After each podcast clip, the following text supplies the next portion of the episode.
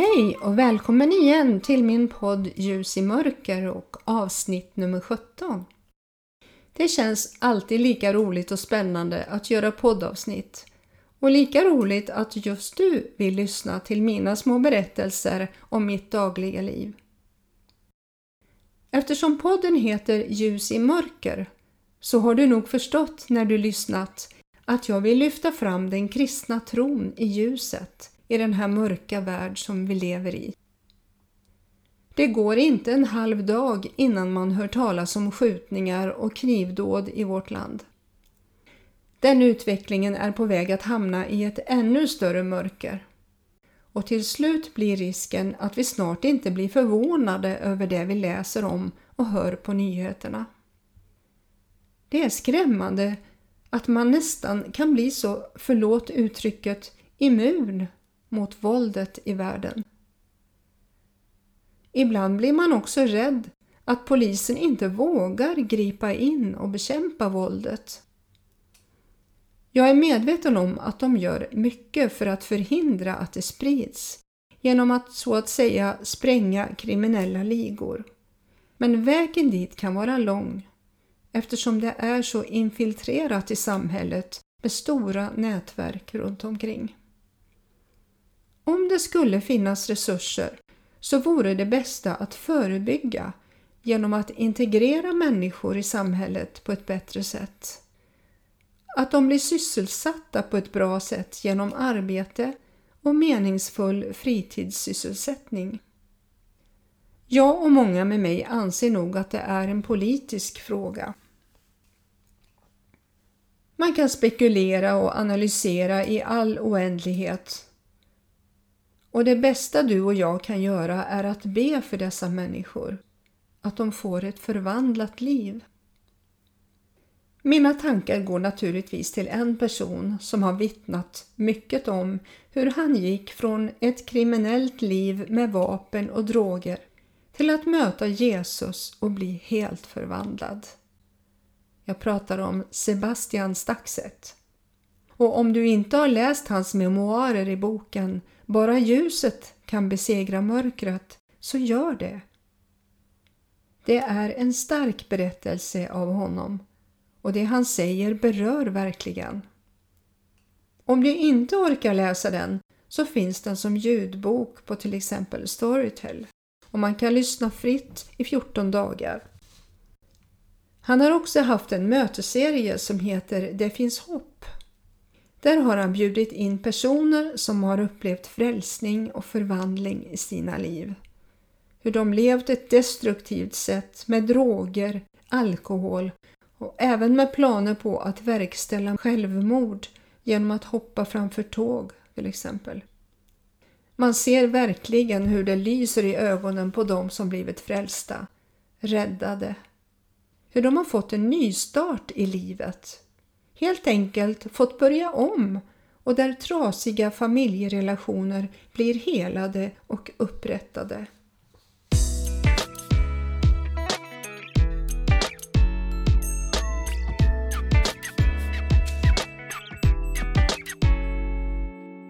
Nu har jag läst ut boken jag berättade om i förra avsnittet som heter Och Gud ändrade sig för att hans folk vågade be.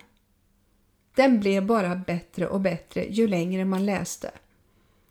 En sak som han bland annat tog upp var Vad ska vi göra när Gud är tyst? Många kan säkert vittna om att vi ber och ber men inget händer. Gud är helt enkelt tyst. Då skriver han För det första måste vi gå till Gud och fråga varför. Varför helar du inte personen jag ber för? Varför hjälper du inte tonåringen som hamnat i trubbel? Varför svarar du inte? Kung David i Bibeln ställde en liknande fråga. Min Gud, varför har du övergett mig? Min räddning förblir långt borta, hur förtvivlat jag än ropar. Det står i Saltaren 22 och vers 2. Jesus ställde ju samma fråga. Det är fullständigt normalt att undra varför inget händer och vi inte förstår varför. Du kanske ringer till en vän när du ligger sjuk och ber denna att köpa medicin till dig och han eller hon svarar Visst, jag åker på en gång. Men det går den ena timmen efter den andra och ingen vän dyker upp. Klart att du blir frustrerad och undrar Har du glömt mig? Minns du inte vad du lovade? Gäller det vänner emellan kanske du tycker att det är okej att säga så. Men vi skulle inte göra det mot Gud. Vi skulle ligga där och tänka att det här är någonting som jag måste gå igenom. Så jag tjatar inte på Gud mer. Självklart så måste vi ta reda på orsaken. Gud förväntar sig att vi ska fråga. Han säger i Jeremia 33 och 3 Ropa till mig så skall jag svara dig och berätta för dig stora och ofattbara ting som du inte känner till. Då kommer den helige Ande att hjälpa dig att se din situation utifrån hans perspektiv, vilket antagligen vore bättre just då än att bli helad. Varför då, tänker du? Jo, på grund av att du skulle komma närmare Guds hjärta när du tar reda på varför du inte blir helad. Gud svarar förr eller senare. Han skriver också att Winston Churchill uttryckte det så mitt i prick när han höll sitt kända åtta ord långa tal vid en examenshögtid under andra världskriget. Ge aldrig, aldrig, aldrig, aldrig, aldrig, aldrig upp. En del säger jag ber aldrig mer än en gång för saker. That's it. De intygar för sig själva och andra att det beror på otro om man tjatar på Gud. Men det är inte förbön om man inte vill vara uthållig i bönen. Det finns flera tillfällen i Bibeln som talar om människor som använder uthållig bön. Till exempel Abraham, Jakob och de flesta profeterna i Gamla testamentet. I kapitlet därefter så tar broder Andrew upp Satans strategier i olika punkter. Det första är att djävulen försöker blockera de kristnas makt över honom genom att hålla oss borta från vår kraftkälla, alltså hindra oss från att be. Han vill verkligen störa vår kommunikation med Gud. Jag har ofta upplevt att när jag tänkt att ta en bönestund så är det så mycket som jag tänker att jag borde göra istället. Eller också ringer telefonen eller något annat som avbryter i min plan att be. Satan vill isolera oss från Gud och varandra. Det är en viktig strategi i det militära för att skära av försörjningslinjen, i det här fallet den helige Ande, genom isolering. Jesus säger i Bibeln att där två eller tre är församlade i mitt namn så är jag mitt ibland dem. Därför vill inte Satan att vi ska samlas till bön av den anledningen. När han får isolera oss så är det lätt att vi frestas och kanske faller i synd. Och när vi syndar så finns det en risk att vi inte bekänner synden inför Gud och det skiljer oss effektivt från honom. Inte för att Gud lämnar oss utan för att vi gör det. Nästa frestelse i Satans strategi är makt. Makt kan skapa stolthet och gör i sin tur att vi inte känner oss beroende av Gud. Ett tydligt exempel är när vi ägnar oss åt okultism, horoskop, spå i hand, tarotkort, anden i glaset, seanser, häxkraft, new age med mera. Han försöker övertyga oss om att vi kan få kontroll på det sättet över andras liv och våra egna. Satan lockar oss med en falsk kopia av den äkta relation som vi skulle ha med vår Gud, vår skapare, från början. Den får vi genom bön och att förstå hans ord i Bibeln. Samtidigt blir vi nyfikna angående framtiden när vi sysslar med det okulta. Men det är en farlig väg att gå. Vi blir bundna av det och kanske vågar nästan inte göra någonting utan att kolla horoskop eller tarotkort.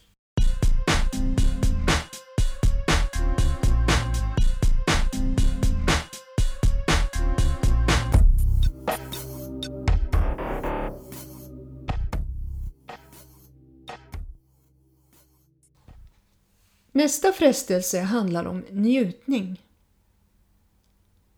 Gud skapade i oss en enorm kapacitet för njutning. Njutning kan vi uppleva endast när vi är i rätt relation med vår skapare. Den är okänd för den som inte tagit emot det andliga livet i Gud. Det Satan frestar oss med är bara kopior. Att använda droger är ett sätt att skaffa sig njutning för stunden, vilket gör att det blir destruktivt i fortsättningen. Vi gör vad som helst för andra och oss själva för att få tag på drogerna. Dödar, stjäl och så vidare tills hjärtat till slut brister.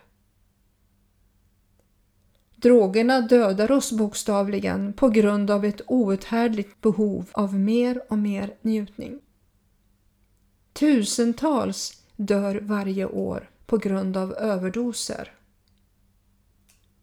Jag vet att jag var så orolig för min son och jag var nästan övertygad om att en dag skulle han ta en överdos och dö.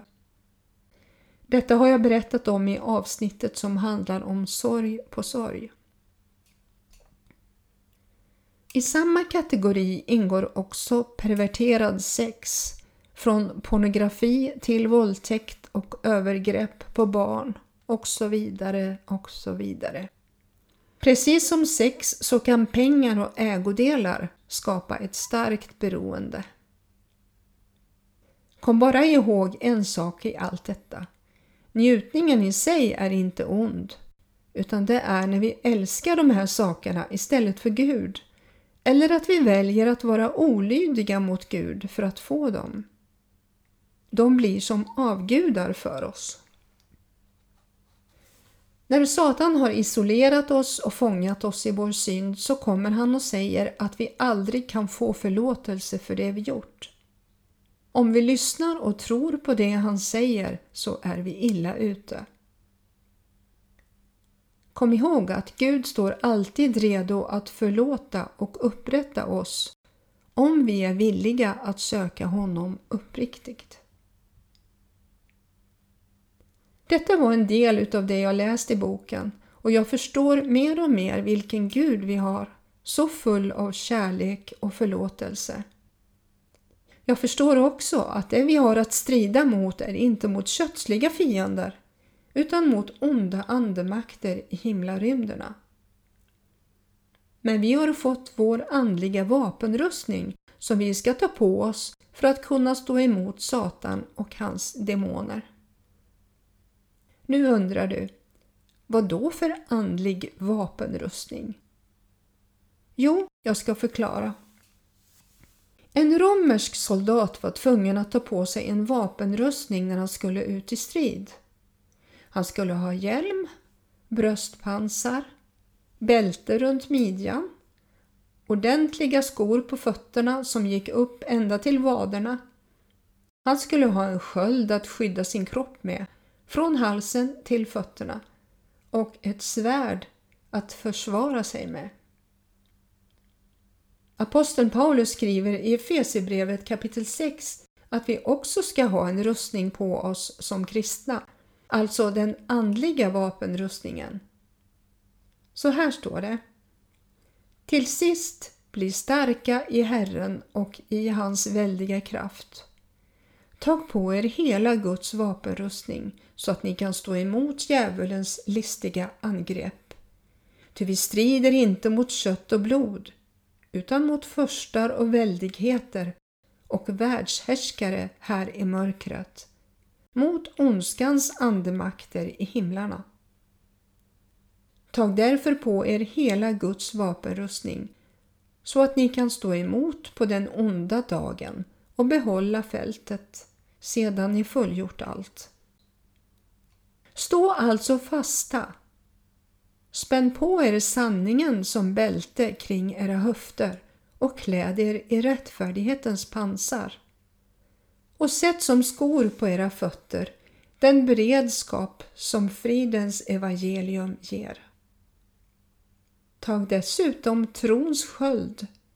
Med den kan ni släcka den ondes alla brinnande pilar.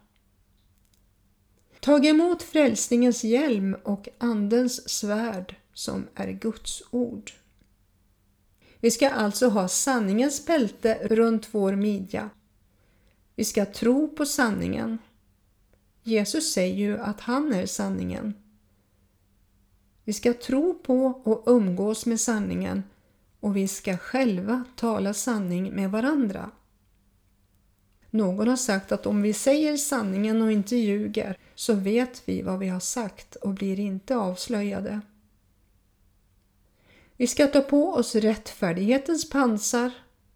Vi blir rättfärdiggjorda genom att Jesus tog alla våra synder och dog med dem på korset. Vi ska också ta på oss beredvillighetens skor på fötterna så att vi alltid är beredda att gå dit Gud vill leda oss. Han vet ju vad som är bäst för oss och han har en plan för våra liv.